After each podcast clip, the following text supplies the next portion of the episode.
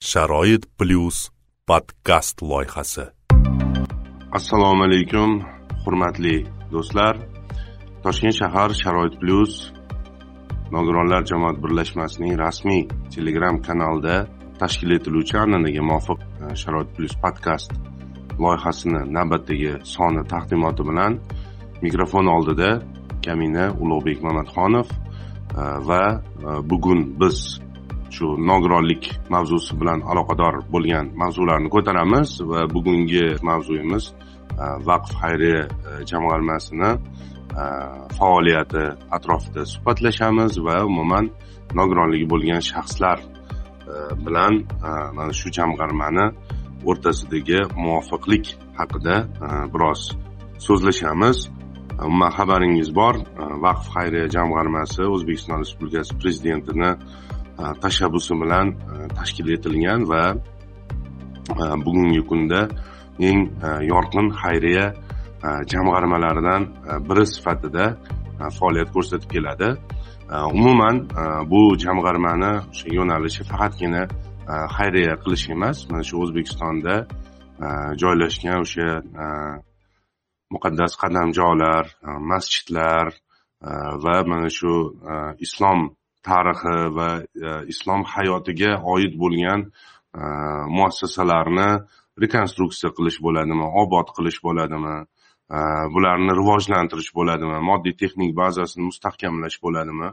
Mana shu yo'nalishlarda ham mazkur jamg'arma bugungi kunda faoliyat ko'rsatib kelmoqda va sezilarli ishlarni ham amalga oshirishyapti bugungi mehmonimiz e, vaqf xayriya e, jamg'armasini e, matbuot xizmati boshlig'i said abror umarov bo'ladilar va ular mana shu vaqtni tig'izligiga qaramasdan bizga rozilik berganlari uchun o'z minnatdorchiligimizni bildiramiz. Assalomu alaykum said abror aka.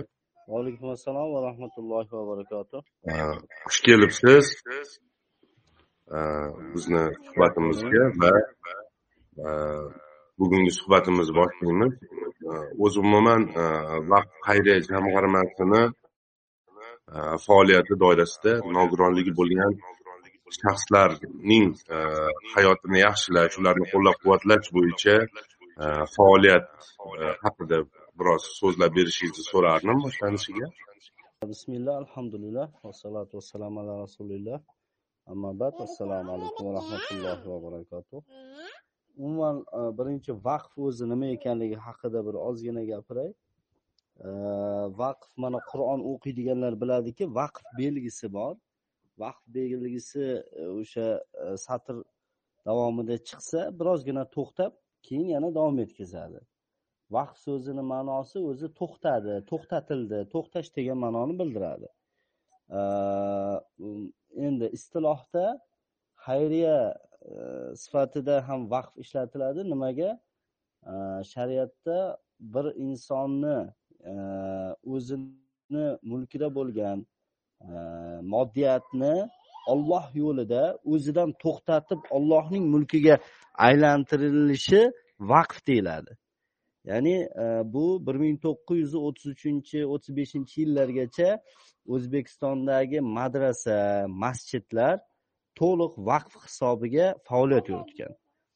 E, o'sha paytlarda masalan ruslar bostirib kelganda rus istilosi bosqinidan keyin bu narsa to'xtatilgan. Ular to'xtatib ya'ni o'sha mahalliy aholining o'zini e, o'sha diniy E, qadriyatlarini yoki o'sha ibodatlarni amalga oshirish uchun masjidlarni yoki o'sha madrasalarni faoliyati davom ettirilmasligi uchun ular ularni yopmaganda vaqflarni bekor qilib tashlab to'xtatib vaqf mulklarini tortib olgan. Va natijada madrasa masjidlar o'zi moddiy ta'minot bo'lmaganligi uchun sekin sekin faoliyatini to'xtatgan. Keyinchalik butunlay yopib tashlashgan madrasalarni ham masjidlarni ham.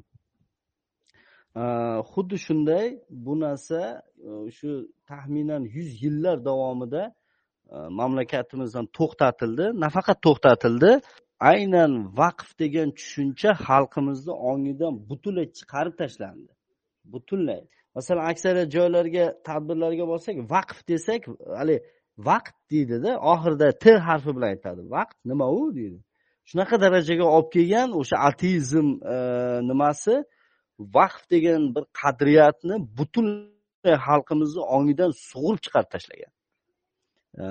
И buni o'sha yurtboshimiz shavkat miromonovich e, prezident bo'lganlaridan keyin diniy sohada ham hamma soha kabi diniy sohada ham islohotlarni qancha amalga oshirib shularni orasida ikki ming o'n sakkizinchi yil o'n oltinchi aprel kuni e, diniy ma'rifiy sohani yanada rivojlantirish chora tadbirlari to'g'risidagi prezident farmonidan keyin Э, o'sha farmonni bir qismi sifatida o'zbekistonda vaqf qadriyatini vaqf e, ya'ni islomning bir shiori alloh taoloning shiorlaridan bir shior bo'lgan e, vaqfni qayta tiklash bo'yicha ham farmoyish berganlar. Sakkizta vazifasini biriktirib ya'ni sakkizta asosiy vazifani belgilab vaqf fondi tashkil etilgan. E, vaqfni boshqa fondlardan farqli jihati masalan bir odam sadaqa ehson qilmoqchi bo'lsa birorta fondga o'zidan ortishtirganini shunday beradida bo'ldi ketdida esidan chiqadi. Vaqf unaqa emas. Vaqf bu e, payg'ambar alayhissalomni e, o'sha oldilariga hazrati umar roziyallohu anhu keladilarda haybar e, g'azotidan keyin yo rasululloh menga bir katta o'lja tushdi bog' tushdi hayotimda bunaqa bog'ni e, hech haligi bunaqa katta mulkim bo'lmagan lekin shuni ollohning yo'lida ehson qilmoqchiman deganda payg'ambar alayhissalom bog'ni aslini ushlab qolda foydasini ehson qilgin deydi. Shunda bardavom bo'ladi. Mana shu narsa vaqf. Asli ushlab turiladi. Masalan bironta tijorat do'koni yoki birorta zavod fabrika masalan butun dunyoda mana o'zim turkiyada bo'lganman turkiyada misrda yoki islom mamlakatlarini ko'plarida musulmon mamlakatlarda vaqf vazirliklari bor. Ular o'sha tijorat bilan shug'ullanadi. Foydasi ya'ni maosh e, xarajatlardan tashqari keladigan sof foyda madrasalarni qurish masjidlarni qurish madrasani tolibi ilmlari ustoz murabbiylari mudarrislarni oylik maoshlari kitob daftar yo'l qurish suv chiqarish Э, shifoxonalar qurish mana shunday bemorlarga yordam berish mana shunaqa ishlar bilan shug'ullanadi. Э, shu xosatan bizda ham o'sha sakkizta vazifa belgilangan bo'lsa э, o'shani asosiy eng birinchisi bu bizni vaqf fondimizni ko'pchilik e, endi hali tushunmaganligi uchun o'ylaydiki vaqf fondi faqat ijtimoiy ko'mak bilan shug'ullanishi kerak deydi yo'q. Vaqfning sakkizta vazifasini yettitasi diniy sohani moddiy qo'llab quvvatlash uchun e, bu prezident tomonidan o'sha farmoyishga kiritilgan vazifalar. Birinchisi o'sha e, nima deydi diniy ta'lim muassasalarini qurish rekonstruksiya qilish e, ularni professor o'qituvchilari va talabalarini moddiy qo'llab quvvatlash kiradi birinchisiga ikkinchisi diniy soha xodimlarini ya'ni imom masjid imom xatiblarini demak moddiy qo'llab quvvatlash. Uchinchisi ajdodlarimizni o'sha allomalardan qolgan meros kitoblarni e, masalan o'sha sahihul buxoriy yoki imom motrudiy imom termiziy e, yoki bo'lmasam o'sha dinimizni fihga aqidaga oid kitoblarni nashr qilish. Nashr qilinganini qayta nashr qilish. E, va shuning bilan birgalikda yurtimizdagi tarixiy masjidlar tarixiy islom diniga oid ziyoratgohlarga demak o'sha rekonstruksiya qilish shularni saqlash va bularni oxiri o'sha va hokazo davom etgandan keyin oxiri sakkizinchi vazifa e, bu aholini ijtimoiy himoyaga muhtoj bo'lgan qatlamini e, demak moddiy qo'llab quvvatlash. E, shu mana shu borada ko'pincha bizda muammo paydo bo'lib hali hattoki ustimizdan yozganlar ham bo'lgan qaysi ma'noda Ehm, bizga yordam bermayapti deb. Lekin aslida vaqfning asosiy o'sha sakkizta vazifani yettitasi mm, faqat diniy sohaga diniy ta'limga yo'naltirilgan. O'zi vaqf ochilishidan maqsad ham diniy ta'lim va diniy sohani rivojlantirish bo'lgan. Va oxirida masalan o'sha sakkizinchi vazifa sifatida ijtimoiy himoyani qo'shib qo'yilgan. Bu ham masalan o'sha mablag'ni bir qismini. Masalan mablag' sakkizga bo'linadigan bo'lsa yetti qismi diniy ta'lim va diniy sohaga bir qismi demak ijtimoiy himoyaga bo'linishi kerak. Nimagaki bizda diniy soha davlatdan ajratilgan ya'ni byudjetdan pul olmaydi e, diniy soha faqatgina o'sha nima deydi vaqf orqali yoki xayriya ehson orqali amalga oshiriladi. Qolaversa bizda diniy ta'lim muassasalarini hammasi to'liq shartnoma asosida e, demak talabalar haligi davlat granti yo'q ya'ni grant yo'q bizda. Diniy ta'lim muassasalarida. Shuning uchun ularni o'sha o'qishi moddiy ta'minotiga ko'maklashish maqsadida tashkil etilgan. Ammo lekin mana so'nggi yillarda o'sha murojaatlarni ashaddiy ko'pligidan ijtimoiy himoyaga ham biroz ko'proq e'tibor qaratyapmiz. Endi sizni savolingizga keladigan bo'lsak savolingizdan avval bir narsani aytib o'tmoqchi edim. Bugungi kunda aynan shu ijtimoiy himoya o'zi bitta punkt bo'lsa ham shuni ichida bir nechta haligi bo'limlarga bo'lib tashladik biz. Jumladan vaqf suvlari degan loyiha asosida bir yuz yigirmata quduq chiqarganmiz o'zbekiston bo'yicha. Ya'ni ichimlik toza ichimlik suvi. Bu yana davom etyapti. Ikkinchisi e, nogironligi bor bo'lgan e, eshitish va gapirishda yoki ko'rishda nuqsoni bor bo'lgan hamyurtlarimiz vatandoshlarimizni moddiy qo'llab quvvatlash va haligi mana shu batafsilroq gapirib bersangiz deyman ha shunga hozir to'xtalaman endi ikki ming o'n sakkizinchi yildan ikki ming yigirma ikkinchi yilgacha statistikani ko'rib chiqdim. Vaqf fondi tomonidan faqatgina ijtimoiy himoyani o'ziga yigirma olti milliard so'mdan ziyod mablag' sarflangan bo'lsa shuni orasidan ikki mingga yaqin nogironligi bor bo'lgan. U masalan ko'zi ojiz eshitish va gapirishda nuqsoni bor yoki haligi yurolmaydigan umuman nogiron degan nogironligi bor bo'lgan nogironlikka ega har qanday fuqarolarni ikki mingga yaqiniga ikki yuz ellik nafarga yaqin hamyurtlarimizga nogironlik aravachalari xayriya qilingan bundan tashqari o'sha boyagi e, ikki mingga yaqin nogironligi bor bo'lgan fuqarolar murojaat qilgan bo'lsa e, har xil ko'rinishda ba'zilariga kiyim kechak nima so'ragan bo'lsa endi aksariyati o'sha moddiy pul mablag'i so'raydi. Shuning uchun e, aksariyatiga moddiy pul mablag'i tomonidan demak xayriya amalga oshirilib kelinyapti. Bugun ham davom etyapti bu ish. Qolaversa biz o'sha mm, ko'zi ojizlar jamiyati e, keyin eshitish va gapirishda nuqsoni bor bo'lganlarni e, jamiyatlari borku o'sha. Hozir esimga kelmayapti. O'shalar bilan hamkorlikda e, juda ko'p tadbirlar qilamiz va bularni orasidagi eng kattasidan bittasi bu surdo onlayn loyihasi.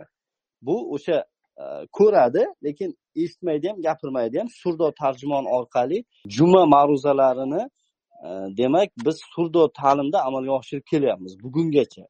Bu uzluksiz davom etyapti. O'zbekiston musulmonlari idorasi vaqf xayriya jamoat fondi va o'sha nogironligi nogironlar jamiyati deydimi o'sha bilan birgalikda ko'kcha masjidida zangiota masjidida ho'p viloyatlarning markaziy masjidlarida e, chirchiq shahridagi markaziy masjidda umuman o'zi o'sha viloyatlarimizdagi markaziy masjidlarning aksariyatida bu amalga oshirilib kelinyapti bugungacha. E, Albatta bu to'g'risida e, bizda ma'lumotlar bor va mana shu man o'zim avval ko'z oldida jamiyatida ishlaganimda o'zbekiston musulmonlari idorasi bilan hamkorlikda shu ma'rifiy suhbatlar tashkil etishni boshlagan edik u vaqtda karla jamiyatida ham bo'lar edi. Va mana shu vaqf xayriya jamg'armasi ilk ochilgan kunlarda mana shu tadbirlarimizni qo'llab quvvatlashni boshlashgan birinchi bo'lib qilingan o'sha xayriya tadbirlari mana shu nogironligi bo'lgan shaxslar uchun yo'naltirilganligini yaxshi eslaymiz endi mana bu yettita vazifa to'g'risida bitta qo'shimcha qilib ketay biz mana vaqf fondi vaqf fondi mana o'tgan yili undan o'zi ikki ming o'n sakkizinchi yildan bugungacha adashmasam beshta brayl yozuvidagi ya'ni ko'zi ojizlar uchun qur'oni karim ko'zi ojizlar uchun nima men ham namoz o'qiyman degan ibodatga oid kitob и hadislar to'plami va yana bitta kitob hozir esimga kelmayapti to'rt beshtamikan to'rttamikan kitob nima qildik brayl yozuvida chop ettirdi vaqf fondi va buni biz уже ko'p joylarda tarqatdik ham bundan tashqari ko'zi ojizlar uchun eshitish va nogironligi bor bo'lgan hamda ko'zi ojizlar uchun missionerlikka qarshi demak tadbirlar bir oyda ikki marta uch marta o'tib turadi. Bu tadbir ham vaqf fondi tomonidan moliyalashtiriladi va vaqf fondi o'sha xayriyalar demak nima deydi xayriya dasturxoni yoki o'sha nimalarni tashkiliy masalalarda. Ha mana shu sovg'a salomlar mana shu tomon moddiy oziq ovqatlar bilan har bitta tadbirimizda albatta oziq ovqat xayriya qilishga harakat qilib kelyapmiz bugungacha tushunarli. Tushunarli. Kattakon rahmat bu to'g'risida sal keyinroq э, siz suhbatga tortmoqchiman. Hozircha bugungi kunda mana ikki ming yigirma birinchi yili o'zbekiston hukumati birlashgan millatlar tashkilotining nogironlar huquqlari to'g'risidagi konvensiyani ratifikatsiya qildi va mana shu konvensiyada o'sha qo'shilgan davlatlar deydi ya'ni konvensiya ratifikatsiya qilingan davlatlar nogironligi bo'lgan shaxslarga e, o'sha respublikada o'sha hududda e, teng sharoitlarni yaratishga harakat qiladi intiladi deyilgan bir majburiyat qo'yilgan va bevosita e, nima desam ekan mana shu o'zbekistonda bugungi kunda ikki mingdan oshiq o'sha jome masjidlari bo'ladigan bo'lsa misol uchun o'sha statistikalarni kuzatib turamiz jome masjidlarini hammasida ham qulay sharoit yo'q nogironligi bo'lgan shaxslarga endi man shayx zayniddin e, jome masjidi va zangata umuman viloyatlardagi markaziy masjidlarda e, deyapmiz. E, yangiliklarni ham o'qib boramiz. Imo ishora tilida eshitish bo'yicha nogironligi bo'lgan shaxslarga ma'ruzalar tarjima qilib beriladi bu juda yam katta qadam va juda yam kuchli ish deb hisoblaymiz. Э, lekin э, jismoniy nogironligi bo'lgan fuqarolarimiz e, bir qancha masjidlarda qiynalishlari haqida yozishyapti. Mana e'lonni qo'yganimizdan keyin ham ko'p murojaatlar kelib tushdida. Ya'ni o'sha tahoratxonalarga kirib borishda e, ya'ni ko'p joylarda podvallarda bo'ladi deydi. Podvalga tushishga imkoniyati yo'q. Birov ko'targanda e, ayrim vaqtlarda shunaqa vaziyatlar ham bo'lgan ekan. Ko'tarib endi birodarlar yordam berishga harakat qilishadi. Yaxshi niyatda lekin bexosdan tushirib yuborgan holatlar ham bo'lgan ekan. Mana shu masalalarni umuman qulay sharoitlarni yaratishda ham vaqf fondi e, nima deb o'ylaysiz? Bir qanaqadir loyihalarni amalga oshirishi mumkinmi? Umuman balki oshirayotgan bo'lishi ham mumkin chunki yangi qurilayotgan masjidlar ham talaygina. Ana shu joylarda balki qanaqadir e, tenglik e, sharoitlari bo'yicha bir maslahat kengashinimi tashkil etish masalalari ko'rib chiqilishi mumkinmi? Bu bu borada va yuqorida aytib o'tganingizdek biz demak o'zbekiston musulmonlari idorasi keyin bu haligi nogironligi bor bo'lgan jamiyatlar ko'zi ojizlar va hokazo jamiyatlar bilan birgalikda ko'p loyihalarni rejasini tuzganmiz. Lekin nima desam bo'ladi?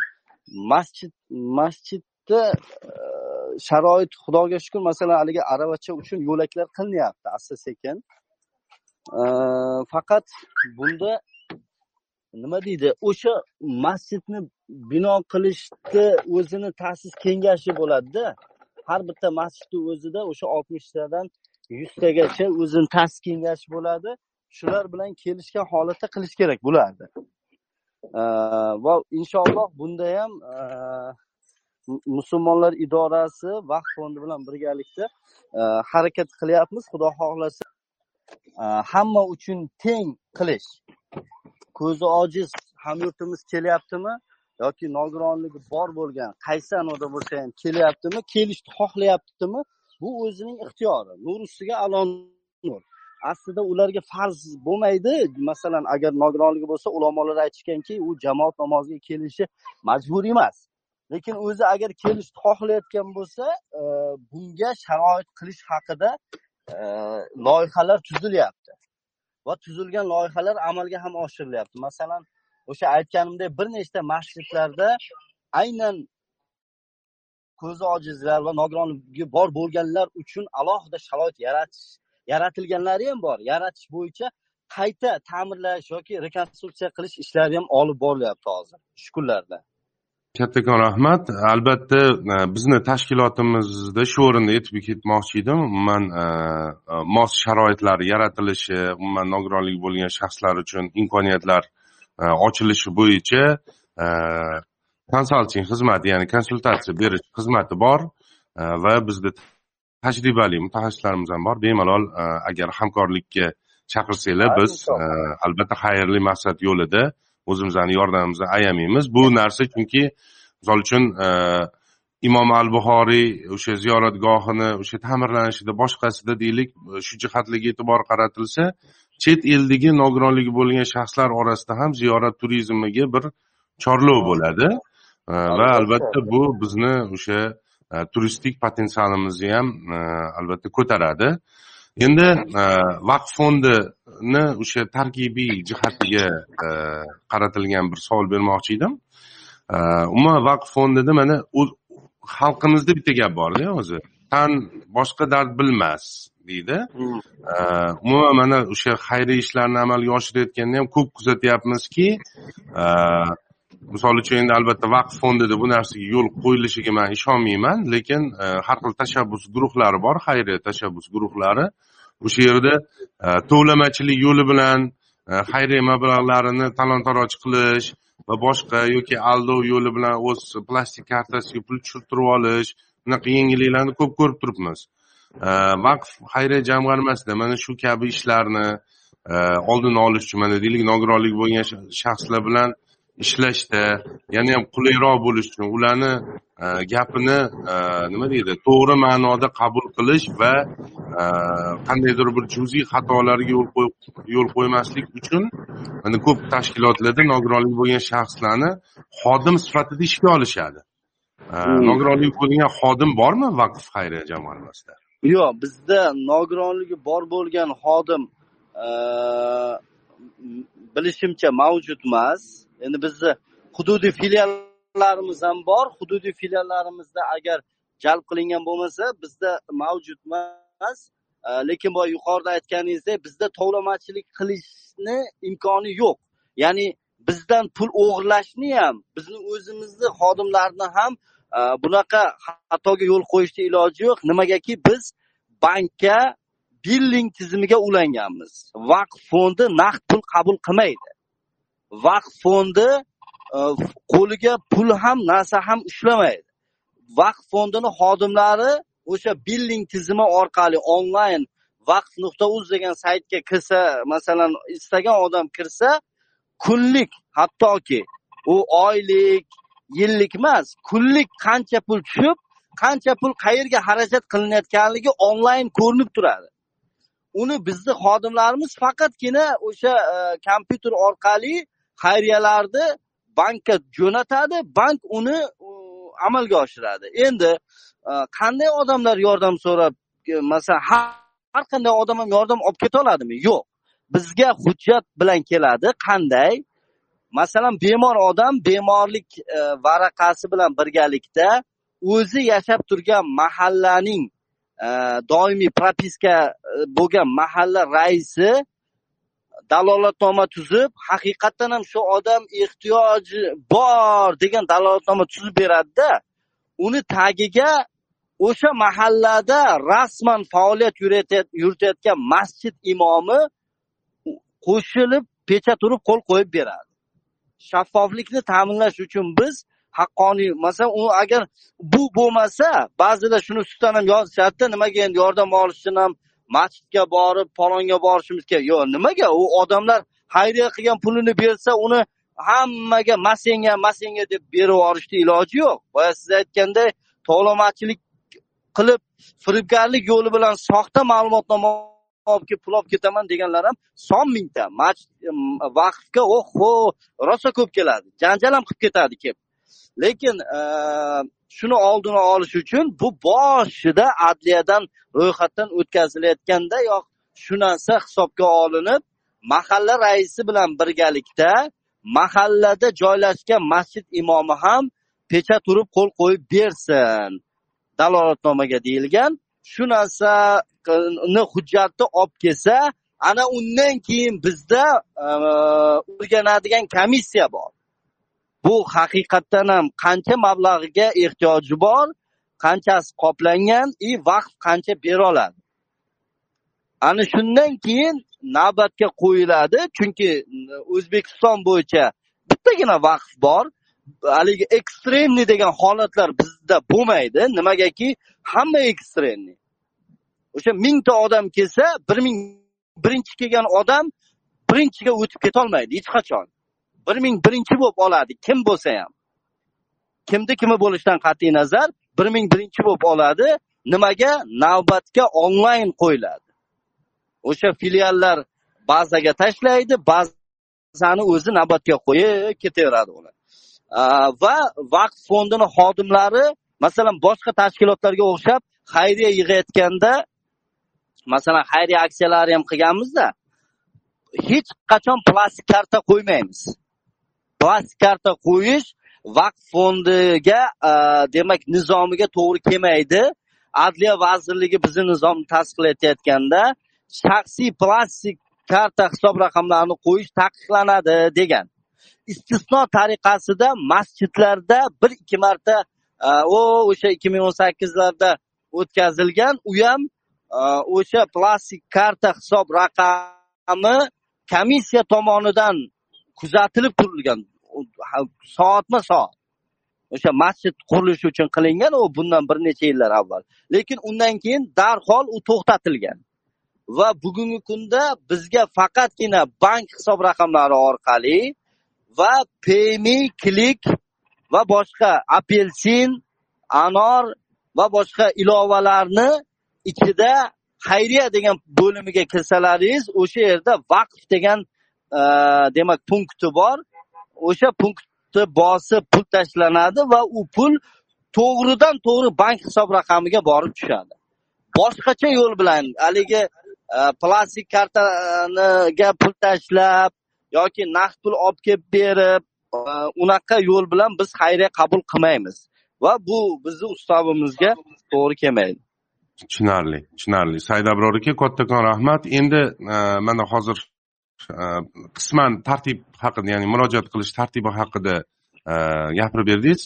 Endi э, shuni bir mexanizmi ya'ni misol uchun mana bir chekka hududda surxondaryoni misol uchun denovida bir fuqaro nogironligi bo'lgan shaxs yurtdoshimiz vaqf xayriya jamg'armasiga murojaat qoldirmoqchi moddiy yordam olmoqchi deylik o'sha ijtimoiy himoya bo'yicha.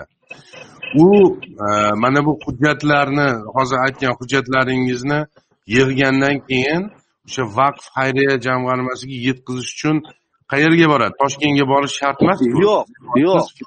Bizni bizni butun hamma viloyat bo'yicha o'n to'rtta hududiy filiallarimiz bor. O'n to'rtta hududiy filiallarimiz har bitta viloyatni viloyat markazlarida joylashgan. Endi e, denov termizdan taxminan bir yuz ellik bir yuz sakson kilometr masofada. O'zi ijtimoiy ko'makka muhtoj bo'lsa u borish uchun taksiga ellik ming bilan borib ellik ming bilan kelmaydiku. Qanday jo'natadi desa biz e, shuning uchun pochta xizmati bor o'zbekistonda. Pochta orqali bizga jo'natadi.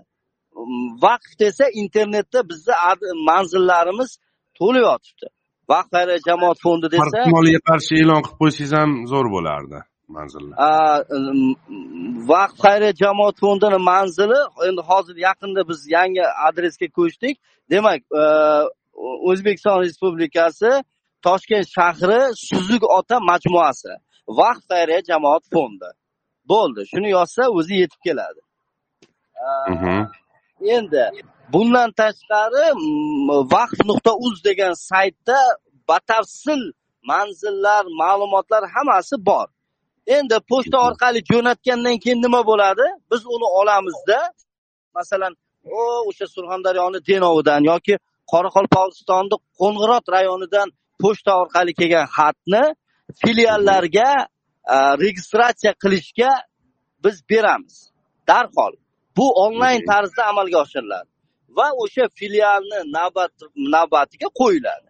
Masalan e, yetmish beshinchi navbatga to'g'ri kelsa yetmish beshinchi navbatga qo'yiladi va navbatma navbat ularga xayriyalar berib boriladi. Albatta komissiya o'rganib chiqqan holatda.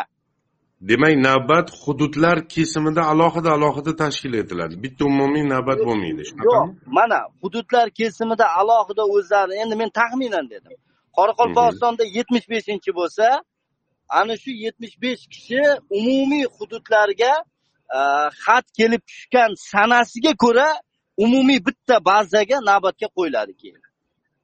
Mhm. haligi adolatsizlik bo'lmasligi uchun.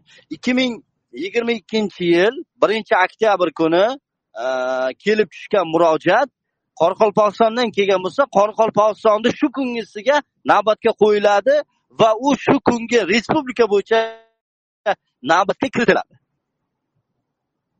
Bu o'sha adolatli tizim bo'lishi uchun masalan e, men surxondaryodan jo'natgan e, nega qoraqalpoqdan keyin oladimi desa yo'q hammasi bitta tizimga kiritiladi.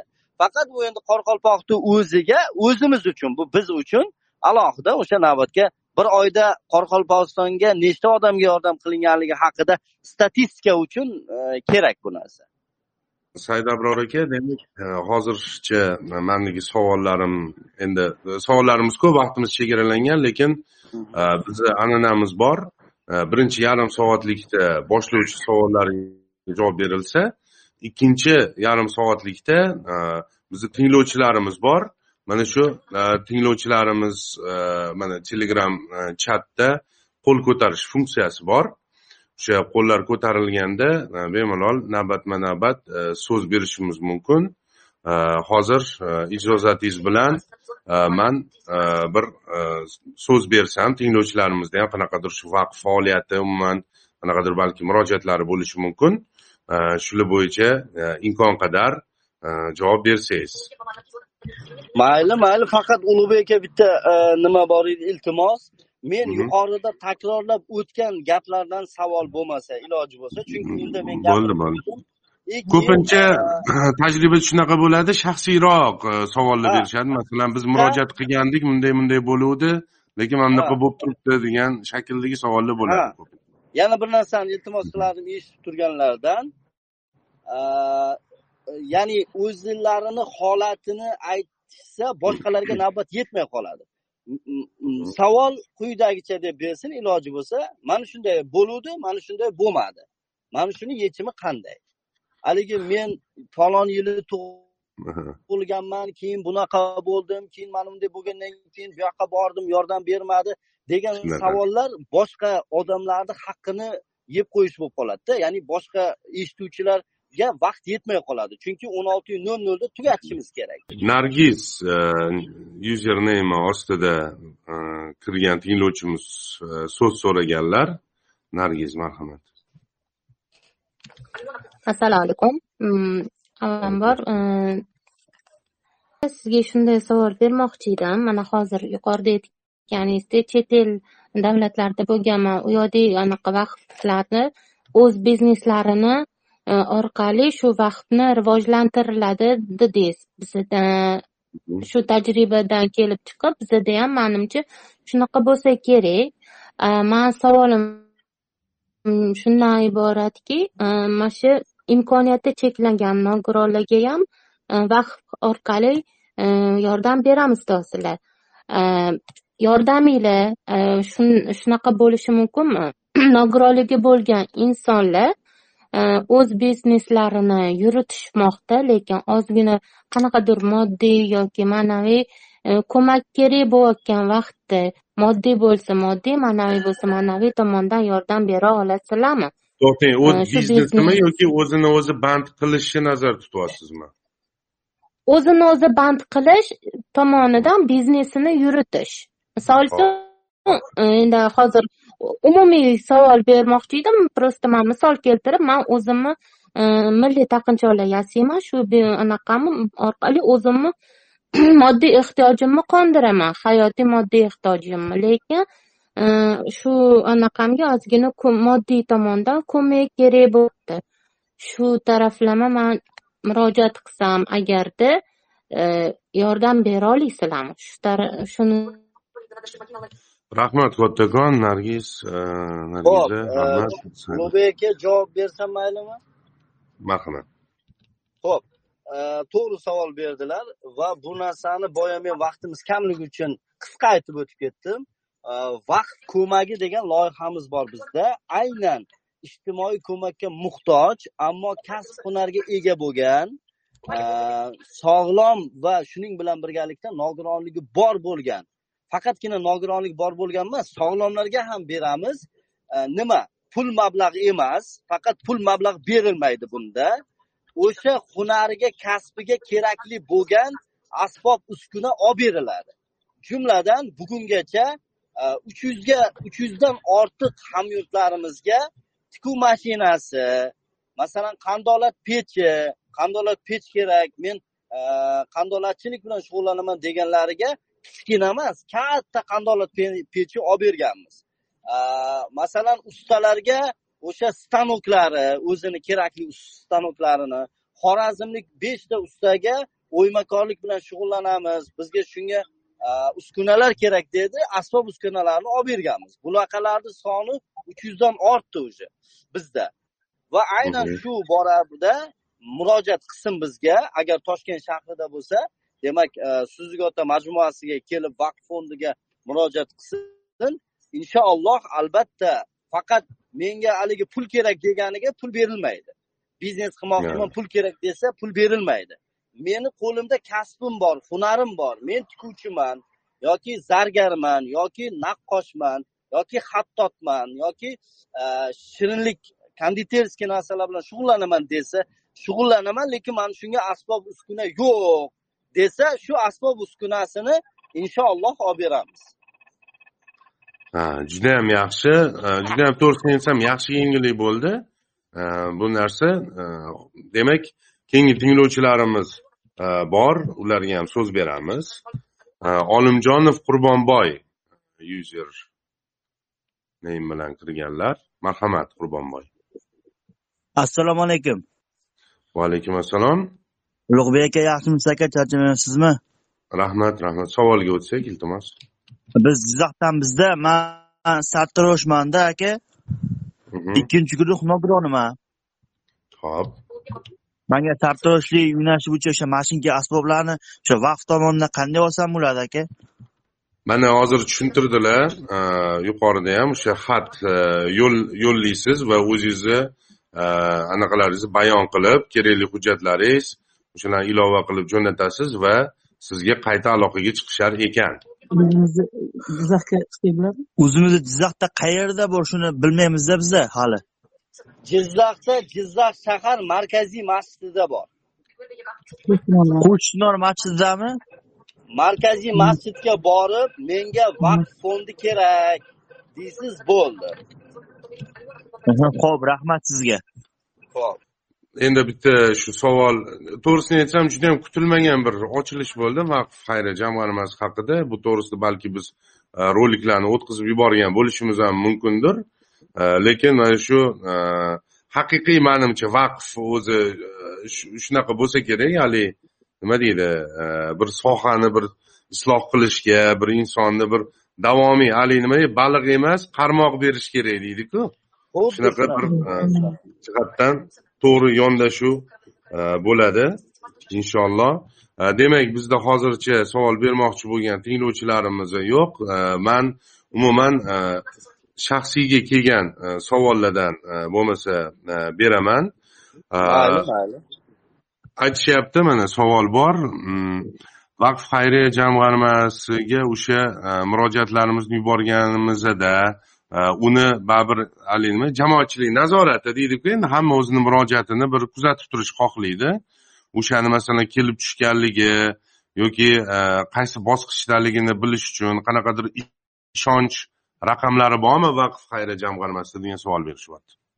Bor o'sha vaqf nuqta uz saytida bizni e, to'rtta beshta raqamimiz bor. Murojaatchilar bilan ishlash e, bo'limini demak raqami bor. Shunga vaqt nuqta uz saytiga kirib shuni ko'rib shulardan telefon qilsa bo'ladi. Mhm. Tushunarli. Demak mana yana bir savol kelib tushdi. Savol emas iltimos ekan. Imkoni bo'lsa mana shu vaqf xayriya jamg'armasini ijtimoiy tarmoqlardagi sahifalari uchun havolalarni ham tashlab bersanglar. Biz faoliyat bilan mana shu sahifalar orqali ham kuzatib borsak degan ha, murojaatlar kelib tushgan. Qaysi ijtimoiy sahifalarda qidirsa bo'ladi bizda hamma barcha ijtimoiy tarmoqlarda bormiz deyarli. Asosan o'sha e, vaqt nuqta uz sayti telegram instagram youtube facebook e, twitter e, tiktok sahifalarida bormiz. E, sizga men bitta linkni tashlab qo'ydim o'sha brifingni o'sha brifingni o'zlaringizga qo'yib yuborsalaringiz shu orqali kirib bizni hamma e, demak ijtimoiy tarmoqlarga e, ulanishni e, imkoniyatini qila olishadi inshaalloh. Ha, kattakon rahmat. Demak mana bir savol kelyapti. Ijtimoiy muhofazaga muhtoj talabalar bo'lsa ya'ni o'sha diniy ta'lim muassasalarida tahsil olayotganlar e, bilamizki ustoz ham yuqorida aytib o'tdilar e, ular barchasi e, shartnoma asosida o'qishadi. Ularni o'sha chin yetim yokida boshqa o'sha ijtimoiy himoyaga muhtojlarni kontrakt to'lovlarini qoplashda ham qisman yoki to'la yordam berish bilan shug'ullanadimi? Vaqf deyaptilar va buni mexanizmi qanday bo'ladi murojaat qilish uchun? Ota onasi nogironligi borligi ham inobatga olinadimi yoki talabaning o'zida nogironligi bo'lgani inobatga olinadimi deyaptilar. Ho'p buni yuqorida aytib o'tdim. O'zi zotan vaqf fondi tashkil etilishining asosiy maqsadlaridan bittasi diniy ta'limni qo'llab quvvatlash shu borada bizda e, demak madrasada tahsil olayotgan ijtimoiy ko'makka muhtoj e, demak zakot olishga haqdor sog'lom odamlar ham farqi yo'q. Ota onasi bormi yo'qmi nogironligi bormi yo'qmi e, o'sha zakot olishga haqdor ya'ni ijtimoiy ko'makka muhtoj bo'lsa zakot olishga haqdor bo'lmasa ham e, o'ziga nima deydi ota onasi bor ishlaydi o'ziga yarasha oylik oladiyu lekin o'sha biroz ijtimoiy ko'makka muhtoj qatlamlarni demak murojaatlari bugungacha hammasiga biz nechta odam murojaat qilgan bo'lsa deyarli de- faqatgina diniy ta'lim muassasalari uchun madrasa va mahat talabalari uchun e, to'lov shartnoma pullari to'lab berilgan. Bu bugungacha anchagina milliard summani tashkil qiladi bu to'langan shartnomalar e, pullari. Va buning tartibi e, o'zi tahsil olayotgan madrasa mudiriga murojaat qiladi. Men mana shunaqa to'lov shartnomasini e, to'lashga imkoniyatim yo'q. Vaqf fondi orqali e, yordam olmoqchiman desa o'sha mudiri o'zi harakat qilishi shart emas. Madrasa mudiri yoki o'sha o'quv ishlari bo'yicha prorektorlar e, direktor o'rinbosarlari bizga xat bilan murojaat qiladi va bu demak qoplab beriladi. To'liq tushunarli. demak unaqa murakkab jarayon emas. Yo'q yo'q. Faqat madrasa mudiriga uchrashsa bo'ldi. Mhm. tushunarli. Kattakon rahmat. Demak boya brayl yozuvidagi adabiyotlarni chop etilishi to'g'risida so'zlashdik. Va man o'zim ham tasdiqlayman chunki ikki ming o'n sakkizinchi o'n to'qqizinchi yillarda boshlab u vaqtlarda o'sha e, nima deydi ko'z ozli jamiyatida faoliyat ko'rsatardik va o'shanda e, kitoblar nashriyoti bilan bir shug'ullanganmiz va vaqf bilan e, hamkorlik o'sha muhokamalar va umuman shu tashkiliy masalalarini joriy qilish to'g'risida ancha muncha chora tadbirlarni amalga oshirgan edik. Lekin bir masala turibdiki mana ko'p savollar kelib tushadi. Eshitish bu bo'yicha nogironligi bo'lganlar uchun adabiyotlar yetishmaydi. Ya'ni ular e, mana yassi yozuvda ya'ni oddiy yozuvni o'qiy olgani bilan ayrim e, savodidagi ayrim e, unikal xususiyatlar borda ya'ni ularni tili ya'ni imo ishora tili tuslanmaydi va tuslanmaydigan bo'lganligi uchun so'z boyligi kamroq bo'ladi bir necha barobar. Umuman o'sha Э, eshitish qobiliyatiga ega bo'lgan insonlarga nisbatan. Э, o'sha imo ishora tilida ham kichkina o'sha ibodatga doir э, umuman nima deydi farzlar haqidagi risolalar kichkina o'sha bir kitobchalar hech bo'lmaganda e, chiqarilishini bir bizni nomimizdan iltimos qilib o'sha vaqf vakiliga yetkazsangiz degan e, iltimoslar ham bo'lgan. E, mana shu qanaqadir ilmiy bo'limmi nimadir bormi? Kimga borib shu yo'nalishda murojaat qilishsa bo'ladi? Ho'p bu borada nima ulug'bek aka siz o'zbekiston musulmonlar idorasidagi munira opaga murojaat qilsangiz munira opa orqali ishingiz osonroq tezroq bitadi. Ya'ni bizga tezroq yetib keladi. Munira abubakirova. Ha o'sha kishi tushunarli tushunarli kattakon rahmat demak sayt abror aka suhbatimiz o'z nihoyasiga yetib boryapti. Umuman batafsil ma'lumotlarni imkon qadar berishga harakat qildik va qo'shimcha savollar bo'ladigan bo'lsa ijozatingiz bilan o'zim orqali sizni o'zingizga berib keyin o'sha insonlarga yetkazib qo'yishda vositachilik mayli mayli. inshaalloh. Mayli. Va shu Э, suhbatimizni oxirida bizni tinglovchilarimizga e, bizni mana shu e, kanalimiz obunachilariga o'zingizni e, shaxsiy tilaklaringiz va vaqf xayriya jamg'armasi nomidan qandaydir bir niyatlaringiz bo'ladigan bo'lsa bildirib qo'yishingizni so'raymiz. Rahmat. Ho'p avvalo bugungi suhbatga jonli muloqotga taklif etganlaringiz uchun tashakkur. Alloh taolo rozi bo'lsin. Meni tilagim o'zi ulug'bek aka bu dunyo qisqa dunyo. Kimgadir alloh taolo to'qlik kimgadir biroz nochorlik kimgadir salomatlik kimgadir biroz bemorlik berib sinaydi. Hammamizni sinaydi. Bu sinov dunyosida yashayapmiz. Mana shu dunyoda alloh taoloni rozi qilib sihat salomatlikda tinchlik farovonlikda yaqinlarimiz bilan birgalikda iymon e'tiqodda shu dunyodan chiqib olmoqligimizni va inshaalloh Э, jannatda payg'ambar alayhissalom bilan birgalikda jannatga kirishlikni nasib etsin deyman. Bu birinchi tilagim. Ikkinchisi yurtimizda bugun mana yurtboshimiz boshchiligida aynan ijtimoiy himoyaga juda katta e'tibor berilyapti. Mana shu vaqf fondini tashkil etilishini o'zi ham ijtimoiy himoyaga e, qaratilgan bir katta e'tiborlardan bittasi. E, yurtimizda avvalo mana shu e, nima deydi? Dardmandlarga alloh taolo shifo bersin. Yurtimiz yanada gullab yashnasin saxovatpesha insonlar ko'paysin. Demak yurtimizda yurtimizni o'zi ham iqtisodiy jihatdan dunyoning eng barqaror rivojlangan davlatiga aylansin va mana shu ijtimoiy himoyaga muhtoj bo'lgan insonlar yurtimizda qolmasin deb alloh taolodan so'rab qolardim. O'sha bir paytlar shunaqa zamonlar bo'lgan ekan e, zakot oladiganlar bormi deb ko'chada jarchilar jar solib yurganda hech kim men menga zakot kerak deb chiqmagan ekan. Shunaqa davrlar yana kelishini alloh taolodan so'rab qolaman.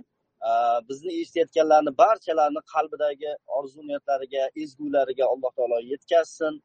E, yurtimizda tinchlik bo'lsin farovonlik bo'lsin. Sizlarni ham olib borayotgan ishlaringizga alloh taolo xayr baraka ato etsin. Inshaalloh yaxshi kunlarda birgalikda e, nima deydi yaxshi xayriyalarni ustida birlashishlikni nasib etsin. Assalomu alaykum va rahmatullohi va barakatuh.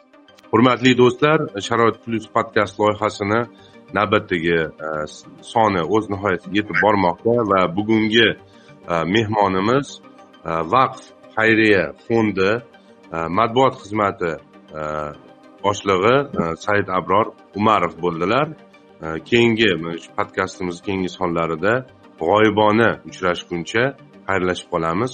Sog' bo'ling salomat bo'ling